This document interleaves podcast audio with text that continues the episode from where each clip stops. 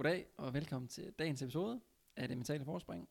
Mit navn er Henrik Jersbæk, og i dag ved min side har jeg Isabella Schulz hos mig. Hej.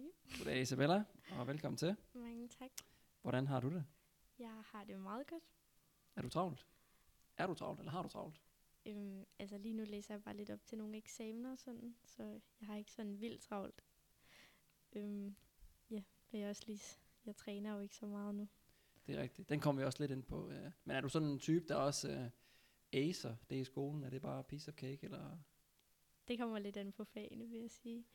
Øhm, men altså, jeg, jeg synes, det er fint nok at gå i skole. Det er ikke fordi, at, ja, det ved jeg. Ja. Hvis jeg lige starter med et spørgsmål, som ikke lige helt handler om, og vi skal selvfølgelig også lige sige til at starte med, at du er jo øh, rytmisk gymnast, eller rytmisk sportsgymnast. Ja. Hvad, hvad kalder man det? Bare begge dele, eller hvad? Øh, ja, rytmisk sportsgymnastik. Yes. Og så kommer vi ind på lidt nogle af de der øh, erfaringer, du har haft igennem øh, tiden i karrieren, og så også nogle af de, oplevelser, du har haft, og måske også en del af de guldmedaljer, som du også har fået. Men hvis jeg lige kan starte lidt andet sted, så spurgte jeg lidt tidligere om, øh, hvis du nu skulle spise middag med øh, to personer, Mm. det kan være alle mulige. Øh, danskere, ikke danskere, øh, levende og ikke levende. Det kan være dronningen, det kan være alle mulige. Hvem, øh, hvem vil du vælge? Øhm, jeg tror, jeg vil vælge en rytmisk sportsgymnast, der hedder øh, Margarita Mamun, øhm, som vandt OL her i, øh, i 16, fordi at øh, jeg har set en, ja, en dokumentar med hende og hendes træner og sådan, og jeg vil bare godt vide, hvordan hun sådan taklede det, både øhm, ja, hvordan hun håndterede det, fordi hendes træner var ret hård. Det synes jeg bare var virkelig spændende. Han, han var ikke sådan en god dansk øh, pædagogisk øh, træner. Nej. eller? Det var nogle meget grimme ting, hun blev kaldt og fik at vide og sådan. Så det synes jeg bare var, det er meget anderledes end fra, hvad vi kommer fra her i Danmark. Ja, men, men er, det, er det helt unormalt, at det er sådan i sporten? I, for eksempel andre steder, Ukraine og Rusland? Og Nej, jeg tror, det er meget normalt, at deres træner er lidt, øh, lidt grove i det og siger nogle lidt strenge ting. Isabella, du er 17 år. Ja. Hvis du havde 100 millioner kroner, Mm. hvad vil du så bruge dem på? Øhm, måske en jordomrejse? Alene? Nej, nok ikke. Familie? Veninde? Eller veninder? Ja, måske nogle veninder. Det kunne også være, jeg vil give lidt til min familie måske. Ja. Har de været med en stor del af din øh, tid som elitegymnast? Ja, det synes jeg. De har støttet mig rigtig meget. De var altid med til alle konkurrencer. Kørte mig til og fra træning næsten hver dag. Og når du siger med til alle konkurrencer, så er det ikke bare i Danmark? Nej, de var med, når jeg var til konkurrencer i udlandet, så kom de også og kiggede på, hvis i hvert fald de største konkurrencer, ikke dem, der var lidt mindre i udlandet, dem tog de ikke med til. Nej, nej, okay. Nå, men Isabella, her i podcasten Det Mentale Forspring, der får vi lidt nogle forskellige gæster ind, som alle sammen har det til fælles, de er rigtig dygtige til deres sport. Vi kender selvfølgelig også godt hinanden igennem øh, et forløb. Mm. øhm, og jeg ved selvfølgelig også, at du er en ydmyg type. Men øh, du har vundet en masse guldmedaljer og andre ting, men det største, du har vundet eller opnået i karrieren, hvad er det der? Uh, jeg vil sige i nordiske, de nordiske mesterskaber i 2018, men det var fordi, at jeg var den første dansker i over 30 år til at få en medalje, og så endte jeg faktisk med at få tre. Og ja. det synes jeg var ret vildt, fordi ja, det var så længe siden, der var nogen, der havde gjort det. Og så vil jeg også sige, øhm, de danske mesterskaber, det sidste, der var øh, inden corona, øhm, jeg tror, det var ja, slutningen af 2019, der øh, fik jeg fem, fem guldæg. Ja, ja, det det, var har du godt sagt vildt. tidligere, at du får fem guldæg, men jeg var mm. Mm. ikke lige helt sikker på, hvad det nu var, det betød. Nej. at- Øhm, det er, når man er sådan officiel dansk mester. Altså, øhm, man har vundet ja, de danske mesterskaber i den højeste række, der er. Ja. Ja. Og det gør du så fem gange, eller hvad? Ja, altså i øhm, der er all-around konkurrencen, som er sådan den indledende konkurrence, eller hvad man siger, hvor at, øhm, man kører alle sine fire serier, og så alle pointene lagt sammen. Og så ja, bliver øh, delt ud derfra, og så var der fire finaler, eller en finale i hvert redskab, og så vandt jeg så også i alle redskaberne. Det kan man godt smile en lille smule af, kan man ikke det? Jo. Okay, hvad hedder det? Så der ser vi, der, det er jo tilbage i 2018. Så der er Og du, 19. hvor gammel er du der? Øh, jeg tror, jeg var lige... Jeg var 15 eller lige fyldt 16, tror jeg faktisk. Ja. Fordi, jo, det er to år siden, og nu fylder jeg 18 her om lidt. Men når man leverer sådan et stort resultat, for eksempel øhm, til Nordisk Mesterskab, Mm. og du også klarer noget, som ingen andre danskere har gjort i plus 30 år, var det så en glad Isabella, man så dengang, eller hvordan havde du det egentlig? Ja, det var det meget.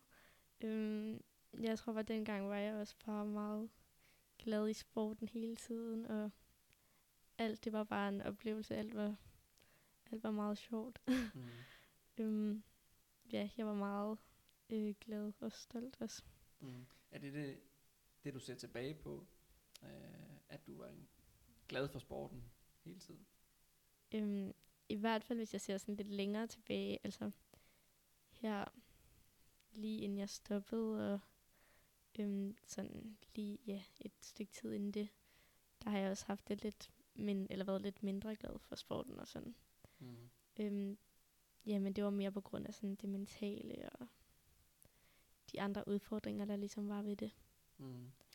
Og øh, det tror jeg på, at jeg har nogle spørgsmål, der forhåbentlig kan indfange her Ja. lidt senere. Men, men Isabella, jeg siger, at du, du har været en af Danmarks bedste øh, i, i noget tid, men du har ikke været det siden du startede. Du var fem år. Du har faktisk været nummer to. Ja, nummer to. Øhm, har jeg ligget, var jeg, eller meget længe fra der jeg startede. Jeg startede, da jeg var, ja, 5-6 år gammel. Mm. Jeg tror, Er det ikke sent at starte, eller hvad? Egentlig? mm, de, de fleste starter omkring der 5-6 års alderen. Men jeg tror faktisk, jeg var, jo, jeg var 6 år, da jeg startede. Ja. Øhm, og til min allerførste konkurrence, der, øh, der blev jeg nummer 3. Øhm, men så, da jeg blev lidt ældre, sådan, så var der, så kom der en pige fra Tyskland, som havde trænet øhm, øh, lidt hårdere træning, end jeg havde. Øhm, og så kom hun, og så vandt hun da selvfølgelig bare det hele. Øhm, og så lå jeg nummer to i meget lang tid. øhm, ja, vi var især fire piger, der øh, lå meget tæt altid og kæmpede om podiet. Ja. Men så, ja, så begyndte jeg bare at træne meget ekstra, og, eller sådan træne meget mere derhjemme, og jeg øhm, begyndte at træne i to forskellige, eller i to klubber, Okay. så jeg kunne få ekstra træning over i Sverige. Mm. Øhm, og så vendte det lidt bare, Mm. og så lige pludselig så var det så mig, der var, øhm, det var mig, der fik guldet, og hun blev så nummer to. Ja, du siger så lige pludselig, så vendte det. Men Ja, hvor, hvor hurtigt går sådan noget? Fordi at du har været i en eller anden situation, hvor du har været lidt træt af, at du er nummer to. ja. Og så tænker du, ja, hvad gør jeg så? Ja, yeah, altså, jeg tror bare, at det var sådan, der det sådan gik op for mig, det var ligesom en konkurrence, og jeg var sådan, at øh, jeg begyndte ja, at tage det lidt mere seriøst, og det var ikke bare for sjov, rigtigt. Mm. Øhm, og så, så trænede jeg bare ekstra hårdt, og så tror jeg, det var hen over en sæson, sådan vi har en okay lang pause øhm, i sæsonen, Mm. sådan hen over sommeren, hvor man nu, øh, i hvert fald i Danmark, øhm, så der er ikke nogen dansk konkurrence der. Og så trænede, ja, jeg tror bare, jeg var på mange træningscamps og så sådan. Og så, ja, jeg tror bare, det var for sådan, ja, i starten af den ene sæson, så kom jeg først tættere på, agtigt med pointene, tættere og tættere på, og så begyndte det så at blive omvendt. Mm. Ja. Okay. Øhm, du nåede jo ikke her til sidst på grund af corona. Der var jo både et EM og et VM. Øh, ja, ikke VM, faktisk, det var lukket. Yes. Øh, men EM, det var jeg udtaget til. Havde du lignende tidligere? Altså har du været med til EM eller VM tidligere? Ja, øh, jeg har været med til EM, var jeg som junior. Det var i, i 2018 også. Øhm, og så VM, det var i 2019 som senior. Stor oplevelse. Ja, meget. Øhm, det var godt nok ikke min bedste præstation, men det var bare oplevelsen i det hele, og det at være afsted. Så øh, fra at konkurrere også i danske mesterskaber, også med nogle i Norden og sådan noget, så til at være med til VM. Det er selvfølgelig en stor oplevelse. Men så kan man godt tillade sig at sige, at du har prøvet at konkurrere på den øverste scene, hvor der selvfølgelig formentlig også er et pres på. Ja, det må man sige. Hvordan oplever du pres, for eksempel til VM i 2019? Øhm, jeg vil sige, at jeg var virkelig nervøs. Altså, hvis man ser tilbage på videoerne, så er det lidt sjovt at se, at i startstillingen, inden musikken starter, at man kan bare se, hvordan jeg bare står og ryster helt vildt. Sådan, jeg kan næsten ikke stå stille, sådan jeg skal stå på tær, for eksempel lige. Det gør man for det meste. Og så øh, mine fødder, de ryster bare, jeg kan slet ikke, næsten ikke holde balancen. Øhm, og jeg kan huske sådan, der er sådan en lang sådan rød løber ting, når man går ind, man bliver præsenteret, og kameraet følger med en og sådan nogle ting. Og jeg kan bare huske, at jeg prøvede at sige til mig selv, du skal bare nyde, at du er her, og så nyde, at du er på gulvet. Men det har vi jo snakket om, at det ikke det, man, det kan man ikke rigtig sige til sig selv. øhm, og det, ja, det var jo så heller ikke det, jeg endte med at gøre, kan man sige. Altså med at nyde det? Ja, eller jo, jeg nød det selvfølgelig, oplevelsen sådan, men jeg var meget skuffet over mig selv bagefter. Sådan, Hvad var du skuffet over? Øhm, sådan, jeg lavede meget små fejl. Og jeg tror bare, at i mit hoved havde jeg sådan tænkt, at jeg skulle bare køre helt perfekt og øhm, få højere karakter, end jeg havde fået før og sådan nogle ting. Men så endte jeg med, at altså, det var meget små fejl, de meste af det. Og min træner var også meget tilfreds med, hvordan jeg havde gjort det. Men jeg var bare ikke sådan tilfreds med mig selv over, at jeg havde øhm, ja, ikke havde kørt helt perfekt. Og, fordi jeg vidste, jeg kunne gøre det bedre. Mm. Det er jo lidt en klassisk ting, det der, som selvfølgelig også vi har talt om. Mm. Det der med, at jamen, øh, nu står du øh, fortjent på den helt store scene, og så er det også bare med at komme ind og nyde det, og prøve at få en god oplevelse, og tage det med ro, og så også gøre det, som du er god til, og alle dage har vist, og det kan du også til træning. Så det skal du også bare gøre nu her. Og den måde, sådan vi, vi lidt har tilgået det på, det er jo, at man kan godt sige til sig selv, at du skal bare nyde det, Isabella. Mm. Men noget, der er svært, det er så også at føle, at man faktisk nyder det. Ja. Det er også det, når man så laver den ene fejl, så går den bare igen ind i hovedet, og man prøver at gå videre, men man bliver jo nødt til at fortsætte.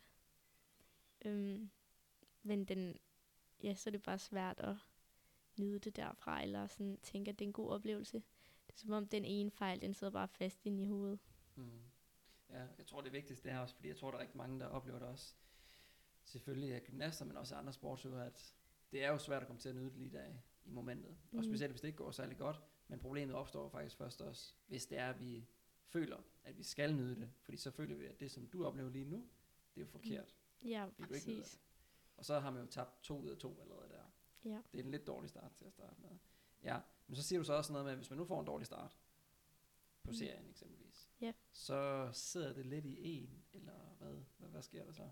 Ja, altså nogle gange, hvis det er sådan, at det allerførste, så plejede jeg godt bare at kunne komme videre sådan. Men hvis der så skete en mere, så blev jeg, så røg jeg lidt ud af den. Øhm. Må jeg spørge? Ja. Hvad, hvad det betyder at ryge ud af den? Øhm, Fordi du har en plan inden. Ja, altså jeg har jo en serie med en masse ting, jeg skal nå at lave. Øhm, og hvis man så, det hele skal jo gå meget hurtigt, øhm, og det man får point for, det, øh, man vil jo gerne have så mange point som muligt. Så derfor gælder det også om at nå så meget som muligt. Og hvis man så lige misser en, og man så lige rører ud af, måske i musikken, øhm, fordi det skal jo også passe til musikken, det får man også point for.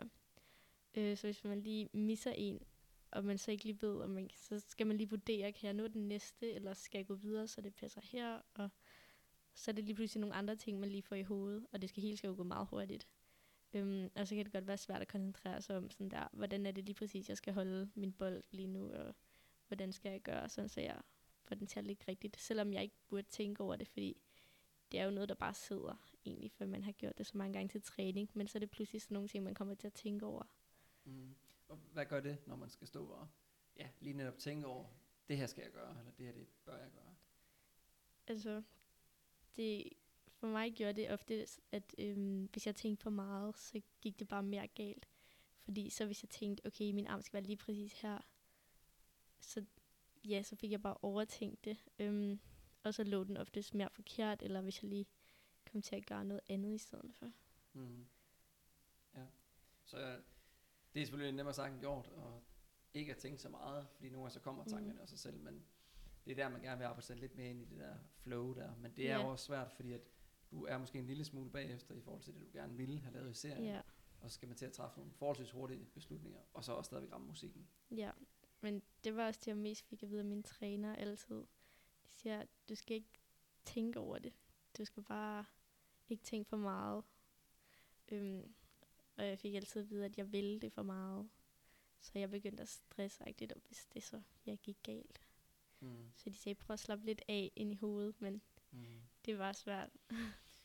Ja, det var svært, ja. Er det stadig svært at slappe af ind i hovedet?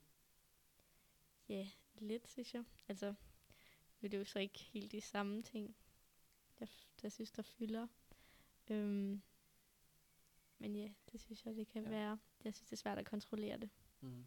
Altså sådan, den der pre-rutine, man kan have, det kan både være Mm. dagen før, eller dagen før, eller når man møder ind, øh, der hvor man skal være. Hvordan, hvordan har du det dagene før et, et stort stævne, en stor turnering? Øhm, der, jeg var altid virkelig nervøs. Øhm, sådan helt en måned op til. Øhm, Også hvis det var Danmarksmesterskab? Ja, især for eksempel Danmarksmesterskabet.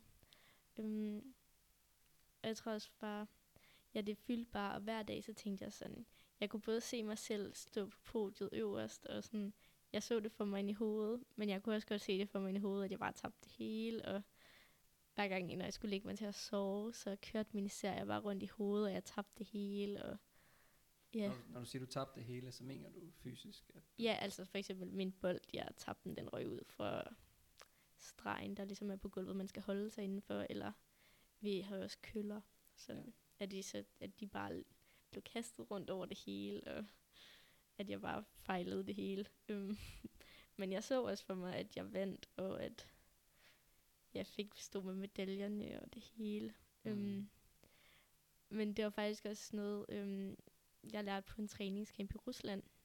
Så skulle man øhm, tegne sig selv, stå på podiet på et stykke papir, øh, inden en konkurrence, og man skulle sådan se det for sig, og sådan nogle ting. Mm. øh, så det var egentlig også noget, jeg prøvede på at gøre. Og hvad er oplevelsen med det? Altså, jeg ved ikke, jeg føler, det gjorde mig lidt mere nervøs, fordi jeg følte, at så lagde jeg selv lidt pres på mig selv, om at det ligesom skulle ske. Øhm, fordi jeg blev ved med at sige til mig selv, det kan jo også være, at du ikke vinder. Det kan godt være, at du har vundet de sidste par konkurrencer, men Mm. altså, man ved jo aldrig. Og sådan. Mm. Øhm, så det var bare, ja, der kørte mange ting rundt i hovedet, og jeg så alle scenarierne for mig. Mm. Jeg tror også, det er vigtigt, at man forholder sig til, at whatever works er jo fint nok. Hvis det er, det virker for nogen, og det virker mm. For dig at, at tegne det, eller visualisere det, eller male det, eller skrive det, jamen så er det rigtig fint. Men det skal helst ikke være sådan noget, som er så stringent, at du skal kunne mærke, at du vinder, og du står Nej. nummer et, og også når du har tegnet det, så du har den der følelse med det. Fordi så prøver man at, at kæmpe en kamp med at få det til at virke. Og hvis det så ikke virker, så må du prøve at tegne en endnu bedre tegning. Ja. Det bliver sådan lidt en, en sjov kamp i længden der. Okay. Så, så hvordan sover man, eller hvordan sover du dagen før konkurrence stævne? Og det kom lidt an på, hvor jeg var henne faktisk. Hvis jeg var til en konkurrence i udlandet, så så jeg faktisk altid med sokker på. Øhm, helst tykke sokker, fordi at, øhm, jeg havde fået at vide, at så falder man hurtigere i søvn. Fordi at jeg havde faktisk altid svært ved at falde i søvn. Okay. Øhm, men jeg plejede altid at visualisere alle mine serier igennem i hovedet. Øhm, det kunne godt tage noget tid, fordi jeg gjorde det langsomt. Eller sådan, jeg så det hele næsten i slow motion. Mm. Øhm, især hvis der var en ting, som jeg vidste, jeg havde svært ved at gribe. Øhm, det kunne være et, ja, et bestemt kast, eller øhm, ja, en, et svært moment. Så visualiserede det mange gange. 20 gange nogle gange. Mm. Øhm, jeg skulle se det helt perfekt for mig, inden jeg kunne sove. Ja. Og når jeg så havde været igennem den sidste serie, så, så kunne jeg nogenlunde sove for det meste. ja, okay.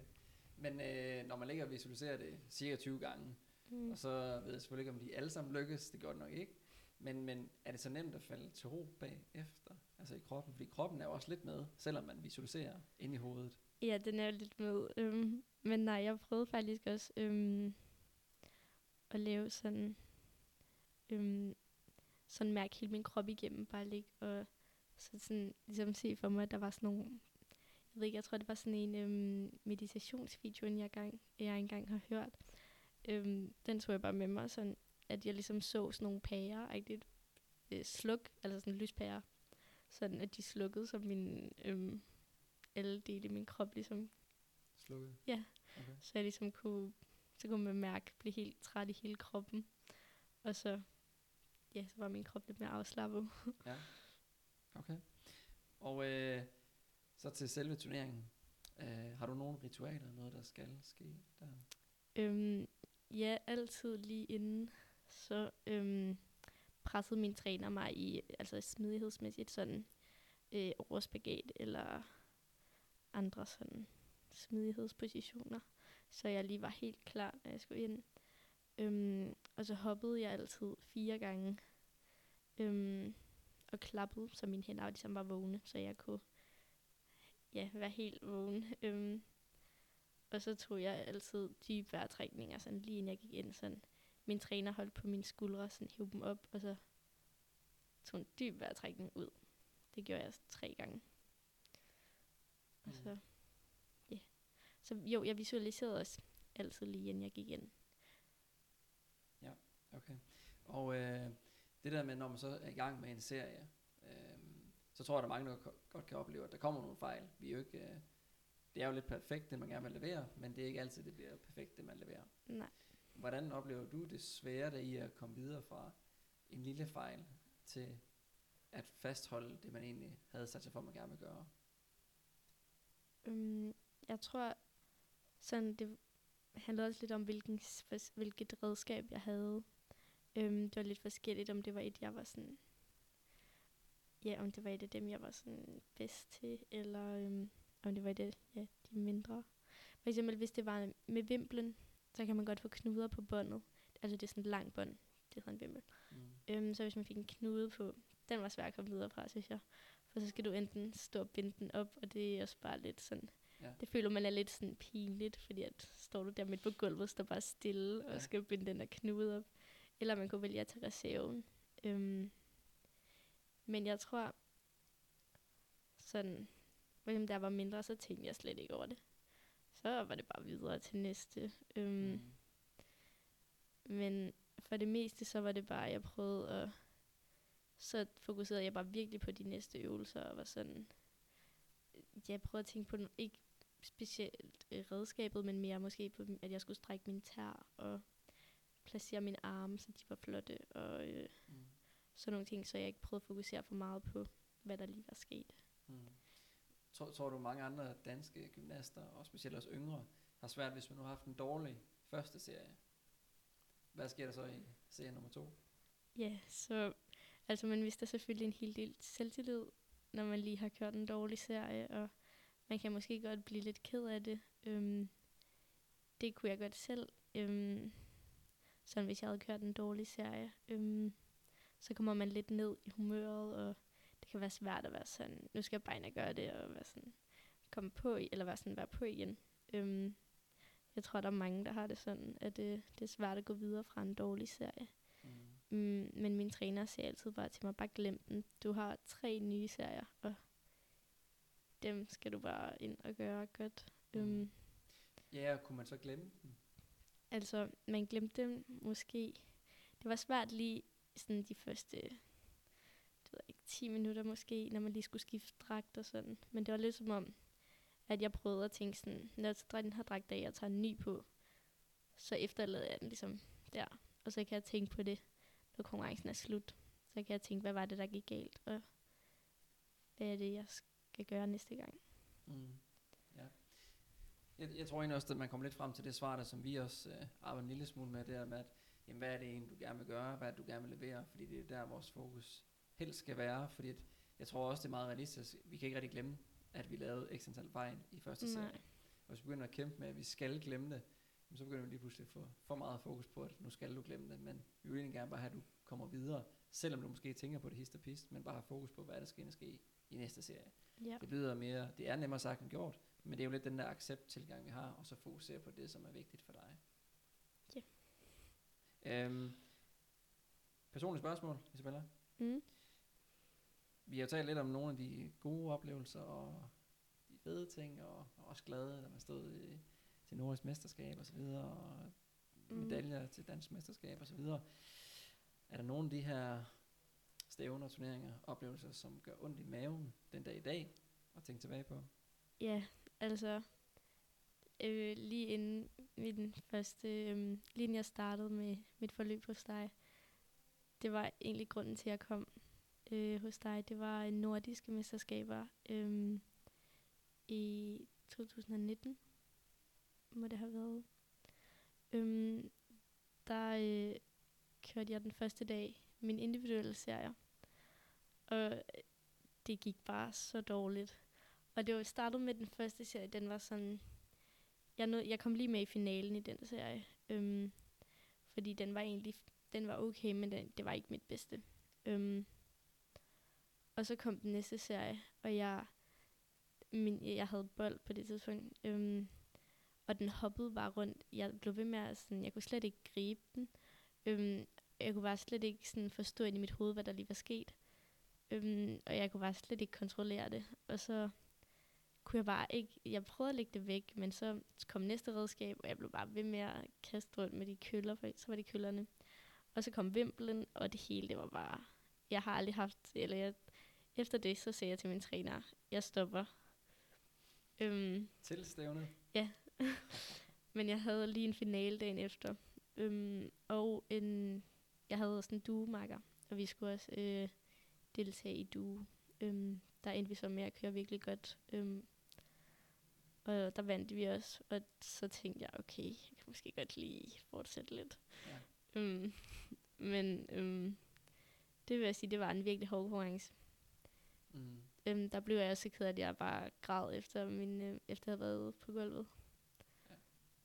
Er det normalt nok? Og, altså man er jo meget både spændt, men også anspændt, når man er meget på, på mm. når det så er. Så det er også lidt en forløsning, når man Ja. så er færdig med sin serie, men når det så går ikke særlig godt. så bliver man ikke så glad bagefter. Øhm, altså jeg vil sige, at jeg er en meget følsom person, så øhm, jeg har ret nemt ved at græde. Ja. Men øhm, altså det var, det var ikke hver konkurrence, hvis det gik dårligt, men den her konkurrence var bare alt for meget. Øhm, ja, altså jeg ved faktisk ikke lige, hvad der skete. Jeg, jeg kunne slet ikke stoppe med at græde bagefter. Så i hvor lang tid? Øh, Altså, lige, jeg skulle jo, jeg, når jeg lige havde fået taget min dragt af og så videre, og sådan, så tror jeg bare, jeg sad i omklædningsrummet alene, og så græd jeg bare i sådan en time eller sådan noget, tror jeg. Øhm, men så måtte jeg også ligesom lægge det væk, og så, fordi jeg havde også en finale dagen efter. Øhm, den endte også med at gå ret godt. Øhm, ikke godt nok til, at jeg fik medalje eller noget, men det var sådan godt i forhold til dagen inden. Øhm, men ja, der blev jeg, det var en hård en. ja. Nu siger du selv, så bare lige for at høre, og måske også til lytteren derude, øh, Isabella Schulz er også en følsom person. Meget. Hvordan vil man egentlig beskrive dig til personer, som ikke kender dig? Eller kender dig? Øhm, altså, ja, nu har jeg sagt det, jeg er meget følsom. Øhm, og så er jeg for det meste øhm, en meget glad person, men jeg er også meget genert, sådan, hvis det er folk, jeg ikke kender. Øhm, så kan jeg godt være sådan meget tilbageholdende. Men hvis jeg så, øhm, ja, når jeg er sammen med folk, jeg kender godt, og mine gode venner, sådan, så er jeg en meget frisk person. Glad og altid på på forskellige ting og sager. Mm. Ja, helt sikkert. Altså det der så til, til, til turneringen der med, at så når du så også at sige øh, direkte, at jeg stopper, jeg er færdig. Mm. Men, men er det ikke også noget, der har ramt dig på et andet tidspunkt, det der med, at altså, skal jeg fortsætte, eller skal jeg egentlig stoppe? Altså jeg vil sige, det var første gang, den sådan virkelig ramte. Der var jeg sådan, jeg skal virkelig ikke fortsætte, hvis sådan her agtigt. Fordi jeg tænkte bare, at den her kommer jeg ikke tilbage fra. Men Isabella, hvad, hvad var det, at øh, du ville væk fra? Altså, hvad, hvad var årsagen til det? Selvfølgelig var det ikke din bedste præstation, Nej. men det var nok også bundet lidt op på, måske lidt ledende, men det var måske bundet lidt op på, hvordan du havde det. Ja, det var det. Jeg tror bare, det var sådan en ubehagelig situation, at det sådan... Fordi jeg plejer godt, hvis jeg kører sådan en dårlig serie, så plejer jeg altid bare, så kører de andre godt. Øhm, men det var bare det, at det var sådan, de var alle sammen dårlige, og så kom det bare lige i streg, og så blev jeg bare virkelig ked af det, og så tror jeg bare, det var alle de følelser, der ligesom kom frem, der bare fik mig til at tænke, det skal bare aldrig ske igen. Ja. Og så er løsningen jo, og stop.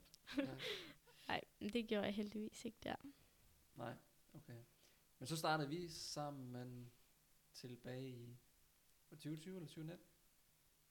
Øh, det kan jeg faktisk ikke huske, men det var, Ja, det er corona, det får det hele til at blande lidt sammen. ja det gør det godt nok, ja. Det var, øh, Men det var før corona.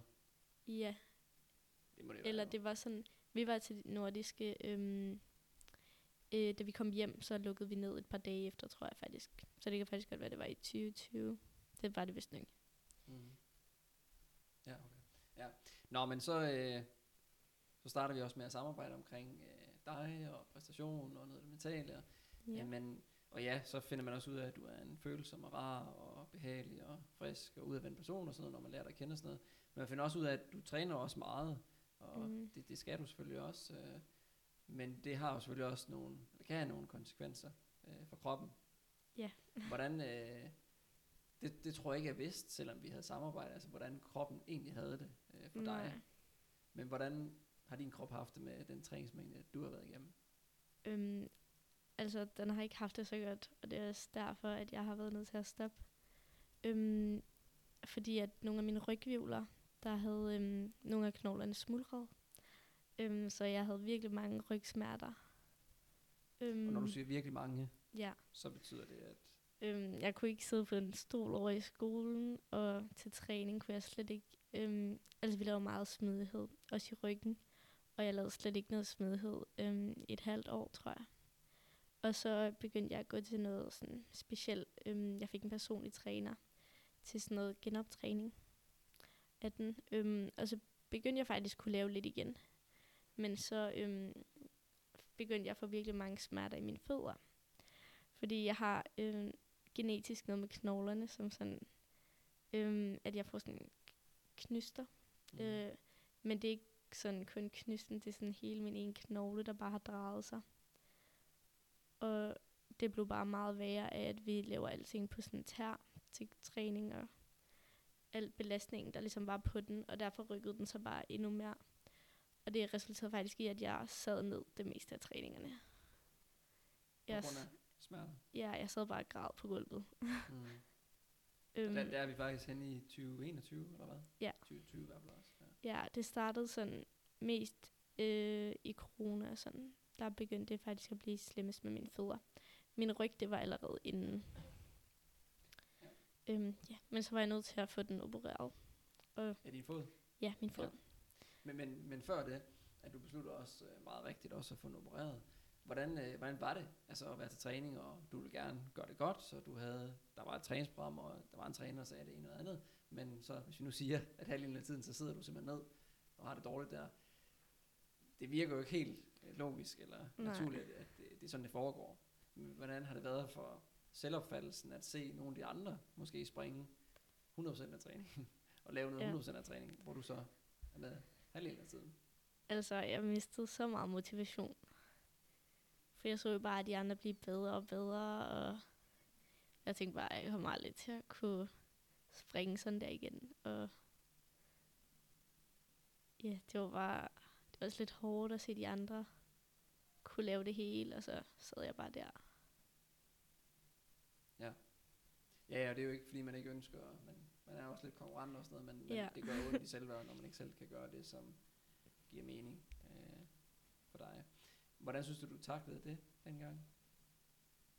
Mm, altså, der tænkte jeg meget over at stoppe. Øhm, det endte jeg jo så også med at gøre, da jeg blev opereret. Øhm, men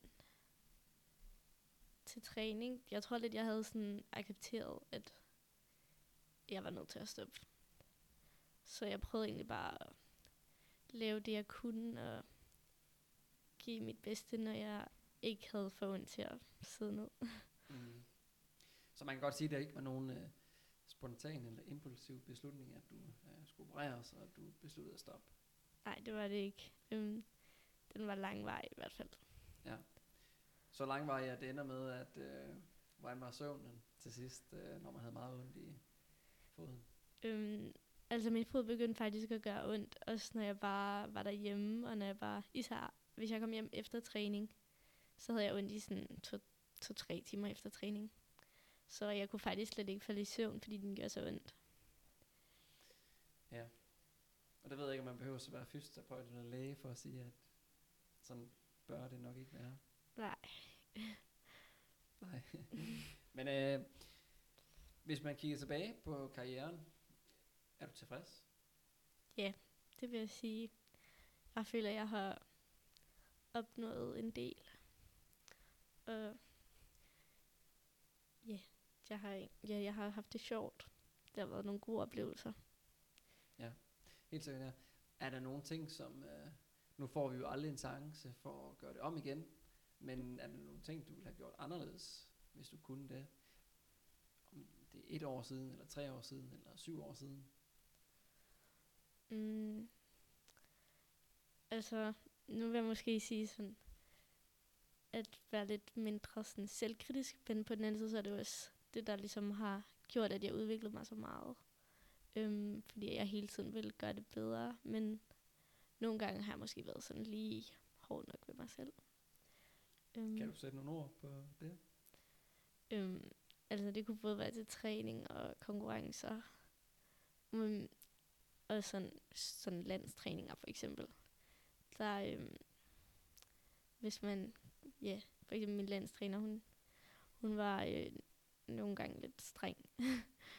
øhm, men hun fortalte os sådan der, at nu var jeg, så skulle man ligesom være et godt forbillede, og så det er meningen, at jeg skal komme her, og så skal jeg bare køre perfekt. Øhm, så de, de andre ligesom kan se på det, øhm, og tænke, det skal de også gøre. Så det tænkte jeg bare op i mit hoved. Jeg tænkte bare, jeg skal bare komme her, og så skal jeg bare køre perfekt hver gang. Mm. Øhm, så hvis det så ikke gik perfekt, så, så kunne jeg godt være lidt hård og være, sige til mig selv, ej, det var bare for dårligt, og du bliver nødt til at tage dig sammen, og det skal bare være perfekt, og sådan nogle ting. Øhm, men det er også det, der har fået mig til så lige at lave den svære risiko måske lige 20 gange mere. Og så den lige kunne sidde ordentligt og ligesom, ja, det er det, der har fået mig til at blive, eller udvikle mig mere. Ja. Hvordan tror du, man udvikler sig mest? Fordi nogle gange, så vil man jo gerne lave noget, som er korrekt, og man vil selvfølgelig ikke lave fejl. Men nogle gange skal man selvfølgelig også satse lidt for at prøve nogle ting, som er svære, og så der måske også give nogle flere point. Hvordan tror du, man udvikler sig mest? Fordi jeg tror da også, du har haft nogle træninger og nogle oplevelser, eller stævner eller turneringer, hvor at, øh, men hvis alle kunne lade sig gøre, så havde man måske turet noget, som var en lille smule over det, man havde leveret. Ja, jeg vil sige, det kan godt være lidt nyttesløst bare at øve den samme ting om og om igen, hvis man ligesom ikke analyserer, hvad, hvad er det egentlig, jeg laver. Sådan, hvordan er det lige, jeg skal gøre det her. Og hvis man så, jeg tror, sådan udviklingen det kommer i det, du sådan selv ser, hvad er det egentlig, jeg gør forkert, og hvad er det, jeg skal ændre på. Øhm, så kan det være lidt lige meget, om du laver det en 50 gange. Så er det bedre at lave tre måske, hvor du ligesom prøver at gøre det sådan helt korrekt, i stedet for bare at bare kaste ud i det og lade være at tænke og bare håbe på det bedste. Mm, ja. Og øh, for dig, måske også for andre, er, er fejl en del af det der med at mestre noget, som... Det er det helt sikkert. Øhm, det kræver ligesom en fejl, at man kan, så man ligesom kan se, hvad er det der overhovedet, der går galt. Og man kan ikke lade være med at fejle.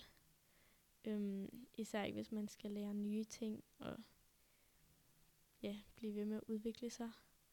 Øhm, der er jo heller ikke noget udvikling i bare at kunne det hele perfekt. Så skal man ligesom kaste sig ud i noget nyt, og selvfølgelig vil man fejle. Øhm, det hele kommer jo ikke ved første forsøg. Ja.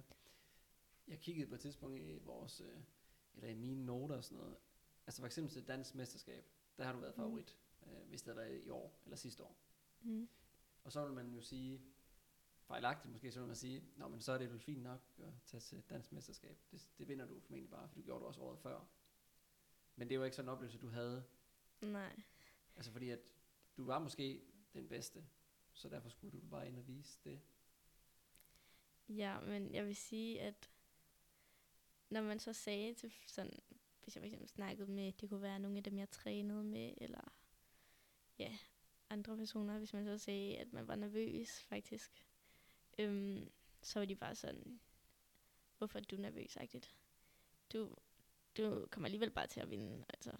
Øhm, men jeg følte, at det lagde lidt mere pres på en, at sådan der, at man ligesom var favoritten, fordi at så ville folk mere tænke, der var noget galt, hvis man ikke vandt. Øhm, og sådan, jeg ville føle mig sådan, ja, når alle ligesom var sådan, ja, ja, det er fint, du vinder bare. At så ville det jo bare være helt mærkeligt, hvis man ikke vandt. Og ja, det var, man følte sig ligesom sådan presset til, så skulle man bare vinde. Og det gjorde også bare, at jeg lagde et endnu større pres på mig selv. Og det var, jeg tror også lidt, det var derfor, jeg prøvede at sige til mig selv sådan, det, det, altså, det kan godt gå galt, og det vinder godt sgu lidt galt. Sådan. Mm. Øhm, for ligesom at fjerne noget presset og være sådan, det er normalt, det går galt. Mm. Følte du egentlig, at det var... Nu fik du selvfølgelig også en respons, når man øh, altså et eller andet sted tog sig sammen til at sige, det er faktisk sådan her, jeg har det. Altså, og så fik du også en respons fra nogle af dem, du kendte, og nogle af de andre gymnaster og sådan noget, som sagde, "Hvad- snakker du om? Altså, det kan man da ikke helt tage seriøst. Du vinder jo alligevel, det er jo lige meget jo. Så Mm. der er ikke noget at være nervøs over. Følte du egentlig, at det var okay så at være nervøs? Nej, jeg følte mere sådan, at jeg tænkte sådan, Hvor, hvorfor siger du det? Altså, det er jo ikke sikkert, at jeg vinder. Og sådan, jeg var sådan, altså, jeg ville da være, ja, det ved jeg ikke, jeg tror bare, at jeg sådan, følte, det var lidt tavligt, at de bare sagde sådan, øhm, altså det kan godt være, at de mente, de var jo ikke på nogen ond måde, de, de var, tænkte jo bare, hvad, eller de sagde jo bare højt, hvad de tænkte. Ja, Mm. og det er også vigtigt, man kan jo aldrig, man kan jo ikke se ind i hovedet på et andet menneske, og folk Nej. har det jo vidt forskelligt, men, men alle har nok det til fælles, at man bliver en lille smule nervøs, uanset om man er tredje favorit, eller første favorit, eller nummer 20 i køen, altså så, så oplever vi nogle naturlige ting. Øhm, hvis man sådan kigger igennem din karriere, nu har vi selvfølgelig talt om lidt nogle af de ting, som har været nice og gode, og også nogle, som har gjort lidt ondt i maven og sådan noget. Hvis man skulle prøve at, hvis man havde sådan en slideshow, sådan en PowerPoint slideshow, ikke med dig, Mm. hvad for nogle tre øh, højdepunkter vil der så stå der i? Jeg ved ikke, om du har nævnt dem allerede, men er der nogle andre mindeværdige punkter, som er, som er vigtige at tage med i en eller anden dokumentarfilm og sige, at det her det er i spillers liv, og der er tre virkelig vigtige tidsperioder i det hele? Um, jeg vil måske sige, da jeg var sådan, da jeg startede i øhm, den svenske klub, jeg trænede i, det var et stort øhm, vendepunkt hvis man kan sige det sådan. Var du den eneste dansker? Øh, der var en anden dansker, der også trænede der, men øh, fra en anden klub, end den jeg gik i. Men var det nemt at tage til Sverige og træne med nogen, du ikke kendte? Nej, jeg havde det virkelig svært over det starten, og jeg blev, det var øh, min egen træner, der arrangerede det, min danske træner, fordi at hun ikke selv kunne være så meget til stede.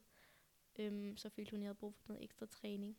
Øhm, og jeg ville jo også gerne have ekstra træning, men jeg synes, det var virkelig grænseoverskridende, at jeg ligesom skulle træne med en masse svenske piger, og jeg kendte ingen af dem, og de snakkede svensk. Øhm, øhm, øh, så, og nogle nye trænere, som trænede på en helt anden måde. Øhm, men det var også virkelig fedt, da jeg så endelig fik startet. Jeg er virkelig glad for, at jeg gjorde det. Nu har jeg både øhm, fået nogle gode venskaber over og et virkelig godt forhold til øhm, min træner derovre også. Øhm, og jeg følte virkelig, at øhm, det var en, en god ting. Mm-hmm. Øhm, og måske... Og det er lidt svært. Nogle vendepunkter. Mm-hmm. kan jeg spørge om noget andet? Ja. Imens. Hvad, øh, nu kan jeg selvfølgelig spørge, hvad inspirerer eller motiverer dig, men, men hvad har egentlig inspireret og motiveret dig tidligere? For eksempel til at blive bedre. Øhm, jeg tror, det var det sådan følelsen, når man lavede noget nyt, eller lærte noget nyt. gjorde noget for første gang, eller hvis man kørte en perfekt serie. Det var bare den følelse, som var så god, at den ville man bare gerne have hele tiden. Øhm, ja, og bare det, at jeg blev glad af at træne, og selvfølgelig ikke, når det fejl, når jeg fejlede, men også det at, hvis man lavede en fejl, og så kunne rette op på den, fandt ud af, hvad der var galt. Det var også en virkelig god følelse. mm. øhm, og jeg tror også bare, rejserne og de venskaber, man ligesom fik igennem det, det var også en ting, der motiverede sådan. Jeg har jo lige sådan et, et uh, notesark her ved siden af, Isabella. Ja. Hvis jeg nu skulle lave sådan en opskrift til, hvordan man får succes som gymnast, hvad øh, kan du så hjælpe mig med at skrive på den liste der? Hvad, hvad skal der til for, at man kommer til VM, og man bliver Danmarks bedste? Uh, øhm, jeg tror, det kræver noget sådan vilje. Øhm, man skal lige virkelig ville det. Øh, øh, ja, og det kræver i hvert fald også en god træner, vil jeg sige. Øhm, en, man har et godt forhold med.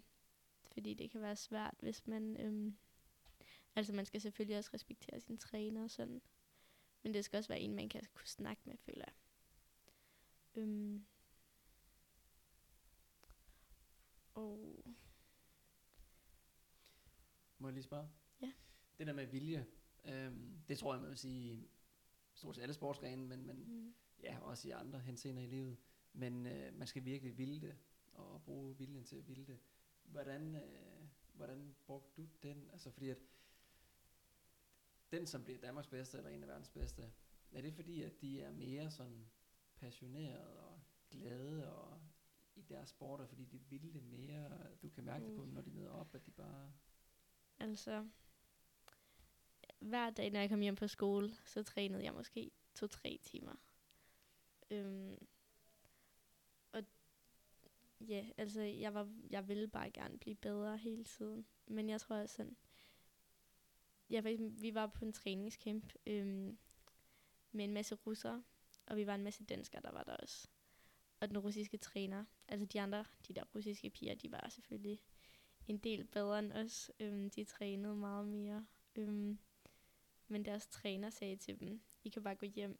Jeg gider ikke kigge på jer, før I har det blik i øjnene, som, som de danske piger har. Så man kan virkelig se på dem, at de gerne vil det. Okay. Øhm, I forhold til dem. Men ja, jeg ved det ikke. Så, så han, var han eller hun, træneren for Rusland, mente, at... Uh... At de piger, de ville det bare slet ikke. Men jeg... Og der kan man se i øjnene på danskerne. Ja, det vil vi gerne. Men jeg tror, det er fordi, også vi har jo sådan valgt den her sport. Det er noget, vi godt kan lide. Ja. Øhm, hvor mange af de piger måske bare var lige blevet sendt derned som små, og så er de bare fortsat. Ja. Så er det mere lystbetonet? Jeg tror, det er mere lystbetonet i ja. Danmark, end der i Rusland. Ja. Men jeg tror også, det der, jeg synes, det er vigtigt også med, med vilje. Altså fordi, at der er mange, der kan være med, når det går godt, og det er sjovt, og man vil lære noget nyt, og man ja. mærke det meget Det kræver også, at man gerne vil at man kommer ligesom igennem de svære ting også. Og at man ligesom, jeg kan komme videre fra det, og ikke sådan bare giver op, lige så snart at det er lidt hårdt. Præcis. Og jeg, jeg tror faktisk, det er det, man skal som lytter derude forstå, at det er det, som det handler om med viljen. Fordi at alle er, alle er gode og i, når de er medgang, og det er sjovt, og det er nyt mm. og spændende. Men, men det er faktisk i de der svære perioder, at vi egentlig ser, hvad folk er lavet af, og måske også, hvad de kommer til at udvikle sig til. Fordi der er det bare svært, og der er det lidt tiltagende, og nogle gange man har lidt lyst til at give en lille smule op, og så kan det også bare være lige meget af det hele. Men det er faktisk ja. også, når man kommer igennem nogle af de perioder, man faktisk opnår nogle af de bedste resultater. Ja, det vil jeg også sige. Ja, og øh, så har jeg lige et spørgsmål mere. Jeg tror måske også, jeg har spurgt lidt om det tidligere, men hvis man nu kunne give et godt råd til Isabella på 15 år, hvad vil det bedste råd være til dig, hvis du ser lige de der små tre år tilbage? Uh, du sagde at ikke være så selvkritisk. Øh. Ja, men... Okay. Den er, den er lidt tricky. Um, måske bare, at at um, ligesom anerkende nogle af de lidt bedre ting. Og um, det har selvfølgelig også noget med det at gøre, ikke være så selvkritisk, men ligesom sådan, selvfølgelig også ja, være i de dårlige ting og komme over dem, men ligesom at kunne være stolt over det, man ligesom har opnået. Vil det være det samme råd, man vil give, eller du vil give, til en på 11 år, 13 år, en på 15 år, som, som har drømmen om også at blive Danmarksmester og komme til VM og NM og så videre?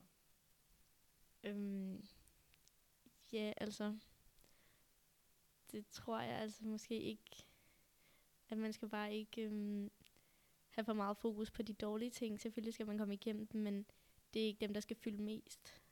At man udvikler sig meget af dem, men man skal også bare kunne se glæden i det. Mm. Ja.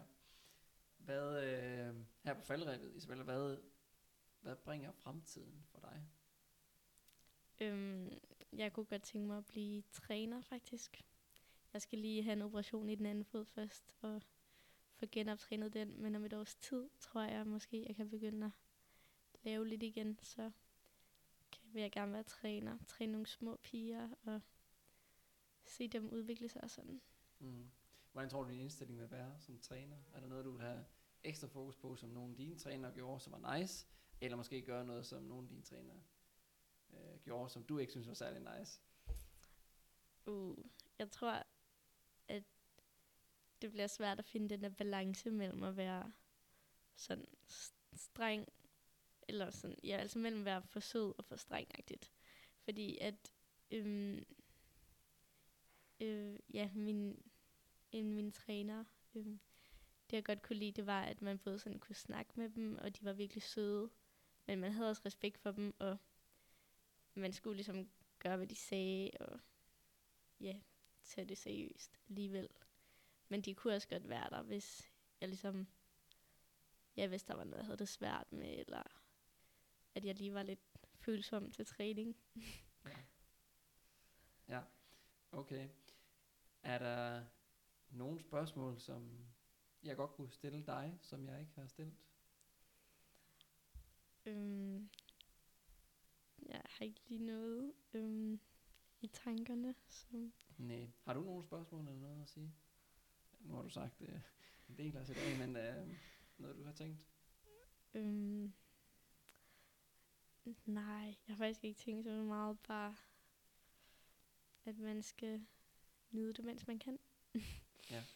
ja, man skal nyde det, mens man kan, og nogle gange kan man også godt nyde det. Ofte, når mm. man står i de svære turneringer og præstationer, så, så er det selvfølgelig vigtigt, at man er fokuseret på opgaven, og så bliver det meget, meget nemmere at nyde bagefter, hvis man har gjort det bedste, man kunne. Ja, men det er også vigtigt, at man ikke, ja, som vi snakkede om tidligere, ikke tvinger sig sådan til, at man, nu skal man nyde det, fordi at så bliver det også svært.